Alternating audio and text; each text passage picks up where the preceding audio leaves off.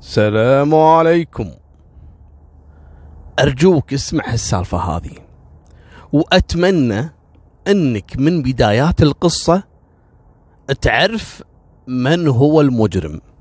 تحدي بس لا أحد يقدم الفيديو. هذه القصة خذيتها من كتاب عضو مجلس الشعب المصري الأستاذ بهاء أبو شقة. أوجه له التحية. أستاذ بهاء كان سابقا وكيل نيابة وبعدين قاضي. تاريخ من العمل النيابي والقضائي والجنائي. ذكر قصة بقمة التعقيد والصدمات. اسمع السالفة. يقول يوم من الأيام دخل عندي في مكتبي لما كنت محامي رجل عمره في الخمسينات لكن لما تشوفه من كثر الهم والحزن اللي فيه والبلاوي اللي صاير عليه عمره كأنه سبعين سنة تعبان ومتضايق وحالته حالة. قلت له تفضل آمر شنو أقدر أحلك مشكلة شيء؟ آمرني. قال أنا أبى أوكلك في قضية. قال لي شاب قتل فتاة. القضية هذه أبيك أنت تتوكل فيها علشان تدافع فيها. قلت له طيب زين أدافع عن منو؟ القاتل ولا المقتول؟ من اللي يقرب لك أنت؟ قال القاتل هو ولد أخوي. أنا رب الأسرة أنا كبير العائلة. وأبيك تدافع عن ولد أخوي. قلت له تمام. المقتولة منو هذه؟ قال هذه بنتي. يقول أنا انصدمت. يعني يبيني أدافع عن القاتل اللي قاتل بنته والقاتل ولد أخوه. قلت له فهمني يعني. قال بشرح لك القصة من البداية. يقول أنا عندي بنت عمرها عشرين سنة في قمة الجمال وعايشين إحنا في صهاج لكن عندنا عرف إن البنت ما تاخذ إلا ولد عمها رغم إنها يعني بنتي جميلة وكثير يجون عليها خطاب وكذا لكن أنا رافض ما أزوجها إلا ولد عمها.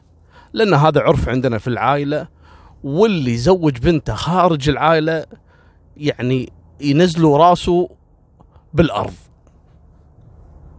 لذلك أنا ما أقدر. اضطريت إني أزوجها حق ولد أخوي. قلت له ما في مشكلة. وإذا زوجت حق ولد أخوك يعني قال المشكلة في ولد أخوي. ولد أخوي هذا عمره تقريبا الأربعين سنة لكن أمراض الدنيا فيه. كلى وقلب وسكر وضغط. والكحة اللي هي السعال ما يفارقة من سنوات. جسمه هزيل وتعبان يحتاج إلى رعاية طبية. مو زوج. وفعلا أنا زوجت بنتي. وخذ بنتي كأنها ممرضة له وليس زوجة يعني. وبعدين صار قال تزوج ولد أخوي بنتي وعاش في شقة في منطقة إمبابة. معروفة إمبابة منطقة شعبية. وكانت شقته مقابلة لشقة أخوه شقيقة ينقال له أحمد. وزوج البنت هذا ينقال له محمد. أحمد متزوج وعنده عيال وعمره ثلاثين سنة لكن كان بقمة عافيته والرجل سيء الأخلاق. اللي هو منو؟ أحمد. أخو محمد اللي متزوج بنته. أحمد بعد مرور ست أشهر من زواج محمد من البنت الجميلة اللي عمرها عشرين سنة اكتشفوا طبعا سوالف حريم وكذا أن محمد الزوج ما قرب على زوجته من ستة أشهر. الرجال مريض. والبنت يعني حست إنها يعني ناقصة حست إنها يعني تعيش عند واحد مريض ما حست بالزوجية من هالأمور ولا تزال عذراء. يعني ما قرب لها محمد ابدا. أحمد هذا أخلاقه سيئة. ما عنده حلال ولا حرام. كل همه إنه يركض ورا شهواته. والقصص والمشاكل اللي عملها مع النسوان كثيرة. اللي في الحارة اللي مع الجيران اللي كذا. حط عينه على زوجة أخوه محمد. واستغل أنه أخوه محمد طريح الفراش.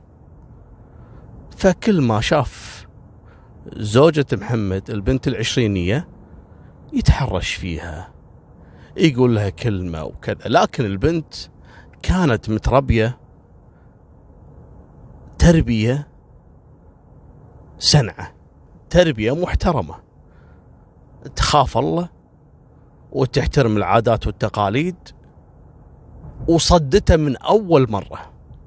لكن أحمد هذا عنيد. كل ما شافها كل كذا والبنت تنهره مرة ومرتين وثلاثة. لكن أحمد حاط في باله أنه يجي يوم والبنت تنهار أمام نزواته وأمام رغباته. اكتشفت الموضوع منه زوجة أحمد. وهي عارفة زوجها أنه خسيس ودنيء نفس وعندها السوالف هذه. لكن أن الموضوع يوصل إلى أنه يتحرش بزوجة أخوه قامت وتكلمت ويا أحمد. يا أحمد أنت كذا أنت كذا. وأحمد دائما عصبي. لما كلمته قام ومسك زوجته وضربها ضرب قالها أنت مالكش دعوة. أعمل اللي أعمله. أنت بس تفتحي بقك أنا حذبحك. قالت له خاف الله هذه زوجة أخوك. الحين اتركك من البنت. لو أخوك يدري في هالموضوع هذا ممكن أنك تتسبب بموته. وخصوصا أن محمد شخصوا الأطباء قالوا له أنت يعني ممكن أنك ما تطول يعني. ممكن أنك تموت بأي لحظة. أمراض اللي فيه مستعصية.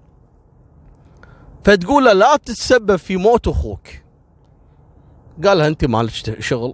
طلعي من الموضوع ولا أسمع لك نفس. المهم مرت الأيام وأحمد مستمر يتحرش في البنت. وفي يوم وليلة وتختفي البنت اللي هي زوجة محمد. طلعت من البيت ولا حد عرف وين راحت؟ بنفس اليوم اللي اختفت فيه الزوجة اعثروا على جثة لفتاة اعثروا على جثة فتاة في أحد حاويات القمامة قريبة من السكن اللي عايش فيه أحمد ومحمد. لكن المصيبة أن الجثة متفحمة لأن اللي قتل هالبنت ولع فيها النار. احضروا رجال الأمن وانقلبت الدنيا وتعرفون أمبابة منطقة شعبية الكل تجمع والكل حضر الموقع. من بين اللي حضروا منو؟ زوجة أحمد وكذلك محمد اللي يدور على زوجته اللي اختفت. لما جو قريب من الجثة قالت زوجة أحمد حق شقيق زوجها اللي هو محمد هذه أكيد زوجتك. ومحمد قال إي نعم صحيح. هذه زوجتي. صحيح إن ملامحها كانت رايحة لكن كانت في بقايا من ملابسها قال هذه يعني الملابس أعرفها هذه ملابس زوجتي. رجال الأمن على طول رفعوا الجثة للطب الشرعي وخذوا محمد اللي هو الزوج رغم إنه كان تعبان وودوه معاهم علشان يحققوا متى اختفت؟ قال اختفت في الساعة الفلانية وأنا فقدتها وقعدت أدور عليها ما حصلت إلى أن سمعت عن وجود جثة في حاوية القمامة. تتهم أحد يا محمد؟ قال لا والله أبدا. بالعكس زوجتي جدا يعني خلوقة وما عندها أي علاقات مع أحد وما عندنا مشاكل وأنا رجل تعبان. يعني أنا أصلا ما أطلع ولا عندي مشكلة مع أحد. سجلوا قضية وقعدوا يبحثون عن القاتل. بعدها بيومين وتروح زوجة أحمد شقيق محمد إلى وكيل النيابة اللي ماسك القضية. السلام عليكم يا باشا. وعليكم السلام. أنا عندي معلومات عن الجثة اللي عثرت عليها في حاوية القمامة اللي قريبة من السكن. تفضلي. أرجوك يا باشا أنا عاوز الأمان أنا حقول لك كل حاجة. تفضلي قولي. قالت أنا أعرف من هي صاحبة الجثة. هذه زوجة شقيق زوجي. زوجة محمد. قال إحنا نعرف محمد جاي عندنا هني وقال لنا. قالت بس اللي ما تعرف بس اللي ما تعرفوه أن القاتل هو زوجي أحمد. انصدم وكيل نيابه غريبة زوجة جاية تحترف على زوجها. قالت إي نعم القاتل هو زوجي أحمد. قال أنت ليش متأكدة أن القاتل هو زوجك؟ قالت اليوم اللي حصلت فيها الجريمة هذه زوجي أحمد طلع من البيت وكان معاه سكين وأنا شفته. ولما رجع البيت كانت ملابسه كلها دم وعطاني الملابس اللي هي الجلابية علشان أغسلها وأنا فعلا غسلتها لكن في بقع بسيطة باقية في الجلابية. أنا أعتقد إن هذا هو دم الضحية. قال لها وين الجلابية؟ جايبة معاها الجلابية وسلمتها حق وكيل النيابه السكين وين؟ قالت أنا ما أدري لأن هو خذ السكين معاه راحوا على طول وألقوا القبض على أحمد. تعال يا أحمد. المهم يحققون. سألوا الزوجة شلون كنت متأكدة؟ قالت أنا أقول لكم شيء. أحمد أخلاقه سيئة ودائما يركض ورا النسوان. وكان قبل الجريمة هذه يلاحق زوجة أخوه. وأنا كلمته أكثر من مرة ونهيت عن الموضوع وهو وهو كذلك اعترف لي قال لي أنا حقتلها إذا ما يعني وافقت على اللي أنا أبيه. وأنا حذرته وقلت له خاف الله وهذه زوجة أخوك لكن هو ضربني وقال لي أنت ما تتدخليش في الموضوع. المهم هني لبست القضية أحمد. والشاهد منه الشاهد الزوجة.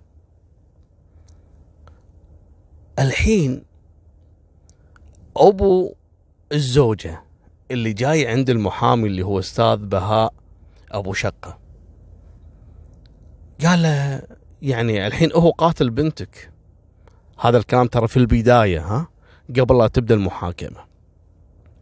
قال إي نعم أنا ما أعتقد إن أحمد هو اللي قتل بنتي وأنا علشان كذي هذا ولدي وهذه بنتي وأنا صراحة ما أبي يعني يتم حكم عليه بانه قتل بنتي وحرام يعني.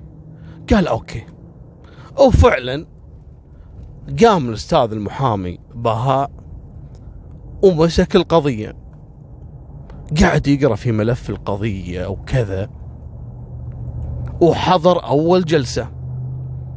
في أول جلسة انتبه المحامي إن في شيء غلط في المذكرة أو في محضر التحقيق اللي موجود عند القاضي. شنو هالشيء الخطأ؟ ذاكرين أن الطب الشرعي أكد أن صاحبة الجثة اللي تم معاينتها في حاوية القمامة واللي تعرضت لطعنات في سكين ثم إلى الحرق عمرها تقريبا الأربعين سنة. شلون أربعين سنة والبنت اللي كانت على ذمة محمد واللي أصلا متهم فيها أحمد أنه قتلها عمرها عشرين سنة وشهرين. شلون صارت أربعين؟ مستحيل. فطلب المحامي من القاضي أن يستدعون الخبير الجنائي الطب الشرعي علشان يناقشه في موضوع. سأل القاضي قال له ليش تبي الطب الشرعي؟ قال لأن يا حضرة القاضي أنتم ذاكرين في التقرير أن صاحبة الجثة والضحية والمقتولة عمرها أربعين سنة. إحنا نتكلم عن فتاة المقتولة واللي عمرها عشرين سنة. وأنا عندي الدليل أن البنت اللي نتكلم عنها ولا هي الضحية زوجة محمد عمرها عشرين سنة وهذه شهادة الميلاد مالتها أو الورقة الرسمية. وأبوها موجود. القاضي والمحكمة يعني حصل فيها ربكة. يعني هم أصلا أساسا جايين على قضية المقتولة زوجة محمد عمرها عشرين سنة. شلون الطب الشرعي ذكر أن عمرها أربعين سنة؟ تأكدوا من أبو البنت. استدعوه. هل بنتك عمرها عشرين سنة؟ قال إي نعم عشرين سنة وشهرين. وهذا الإثبات الرسمي. طبعا المحكمة كلفت النيابة أنها تتأكد من صحة الورقة الرسمية هذه في الجهات وهل فعلا عمرها عشرين سنة وشهرين ولا لا؟ راحوا وتأكدوا وكان الرد في الجلسة اللي بعدها أن فعلا البنت عمرها عشرين سنة وشهرين.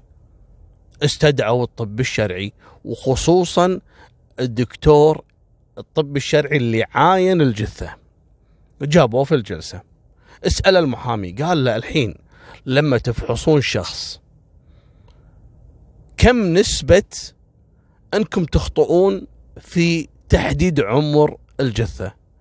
قال مستحيل. يعني ولا نسبة واحد في الأمية خطأ.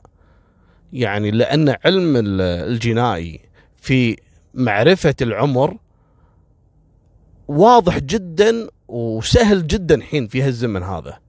عن طريق عن طريق الكشف على عظم الضحية. يبين مو بس السنة يبين حتى الشهر اللي انولد فيه. يعني الموضوع دقيق جدا. راحوا جابوا كذلك طبيبة ثانية. أعتقد هي يعني تكون مسؤولة الطب الشرعي الفحص أو التشريح. وأكدت نفس الكلام إنه مستحيل إن إحنا نخطأ. وهذه البنت صاحبة الجثة اللي موجودة عندنا في هالقضية عمرها فعلا 40 سنة. راحوا جابوا رئيس الخبراء مال الأدلة الجنائية وأكد نفس كلامهم. الحين هني شنو حصل في المحكمة؟ تعقدوا كلهم. يعني ما في أساس للجريمة. إذا كانت الجثة عمرها 40 سنة واعتراف الزوجة اللي هي زوجة أحمد إن زوجها هو اللي قاتل هالبنت والبنت هذه أصلا عمرها 20 سنة والجثة 40 سنة. يعني هذا ما هو متهم رئيسي في الموضوع. الجلسة كلها يجب أن تبطل وهذا اللي طالب فيه المحامي. طالب ببراءة موكلة وأن تعاد القضية من جديد علشان رجال المباحث والنيابة العامة تستكمل التحقيق لمعرفة من؟ لمعرفة من هي صاحبة هذه الجثة؟ ومن الذي قتلها؟ أحمد ما له علاقة.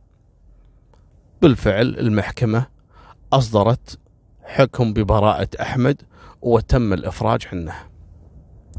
ورجعوا مرة ثانية المباحث افتحوا ملف القضية علشان يبحثون عن هوية صاحبة الجثة وكذلك من اللي ذبحها وشنو قصتها وما هي أحداثيات القضية. الحين أحمد لما طلع من السجن أحمد هو فعلا سيء الأخلاق ونسوينشي على قولتهم وراعي مشاكل وحقير وكان حاط عينه على زوجة أخوه اللي اختفت. لكن فيها النقطة أحمد بريء. هذه ما هي أصلا زوجة أخوه. هذه عمرها 40 وهذه 20 أجل وين راحت زوجة أخوه؟ وين اختفت؟ مالكم بالطويلة. أحمد طالع من السجن ما يشوف بعينه إلا زوجته الحقيرة. طبعا هذا في رأيه هو الزوجة الحقيرة اللي حاولت ان تورطه. الزوجة ليش راحت؟ اعترفت حق وكيل نيابة وشهدت ضده في المحكمة وقالت إن زوجي هو القاتل. والمحكمة الحين برأته حقد عليها حقد مو طبيعي. لكنها اختفت من البيت. رجع يدور عليها قالوا له يبغى بعد الجلسة اللي طلعت فيها أنت براءة الزوجة هربت. خذت عيالها وهربت. المهم قعد يدور عليها أيام وأشهر ما حصلها. بعد وبعد فترة حصلت سالفة في منطقة ينقال لها الجيزة. اعثروا على سيدة طايحة في الأرض بين الحياة والموت تستغيث بالناس اللي مارة. خذوها على طول واسعفوها إلى المستشفى ولا هذه منو؟ هذه زوجة أحمد. كانت خلاص. تبي تموت. أحمد مسكها بنص الشارع بعد ما عثر عليها وسدد لها عدة طعنات لين تأكد إنها ماتت لكن هي ما كانت ميتة كانت فاقدة الوعي وصحت وقامت تستغيث بالناس. حضر وكيل النيابة بعد ما سمع من القصة علشان يفهم منها منو اللي تعرض لها. البنت خلاص تبي تموت. وكذلك النيابة كانوا يدورون عليها علشان بيعرفون إيه ليش جت في القضية السابقة وقالت إن زوجها هو القاتل. وطلع بالنهاية بريء. يبي يعرفون. المهم راحوا لها في المستشفى وكانت توها طالعة من غرفة العمليات لكن البنت بين الحياة والموت. حسوا إنها تبي تموت فاضطر وكيل النيابة إنه يدخل عليها. وهي أصلا يعني قامت يعني تصرخ وتقول لهم الله يخليكم. يعني نجيبوا رجل أمن أو وكيل النيابه علشان أقول الحقيقة. حاسة أنها تبي تموت المسكينة. وفعلا حضر وكيل النيابه قالت بص يا باشا أنا اللي اعتدى علي هو زوجي أحمد.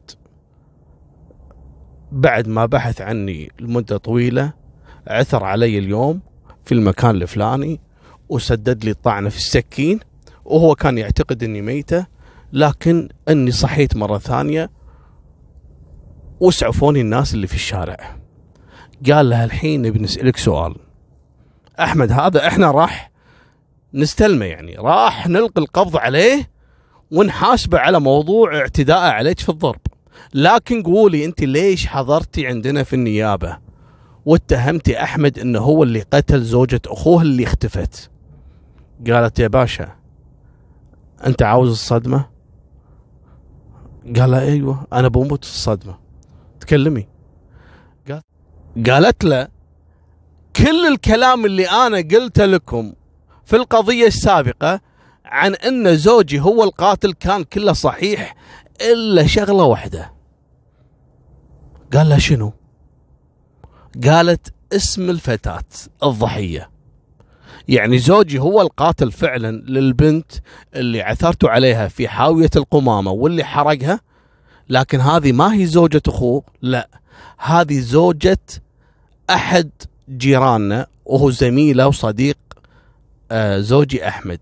كان حاط عينه كذلك عليها وذاك اليوم طلع من البيت وماسك سكين وأنا قلت لكم الكلام هذا وفعلا اعتدى عليها واغتصبها وبعدين قتلها علشان ما تفضح ورماها في حاوية القمامة ورجع البيت وعطاني ملابسه علشان اغسلها. وأنا واجهته في الموضوع وهو اعترف لي. لكن أنا ليش ذكرت لكم موضوع زوجة أخوه؟ علشان أريح الناس منه ومن شره وهو أصلا قاتل سواء كانت هذيك الفتاة ولا هذه. لأن هذه البنت اللي هي زوجة محمد اللي اختفت أنا اللي ساعدتها على الهرب. وكل نيابة قام يشلع شعره. قال جننتين أنت؟ ما تتكلمين من أول.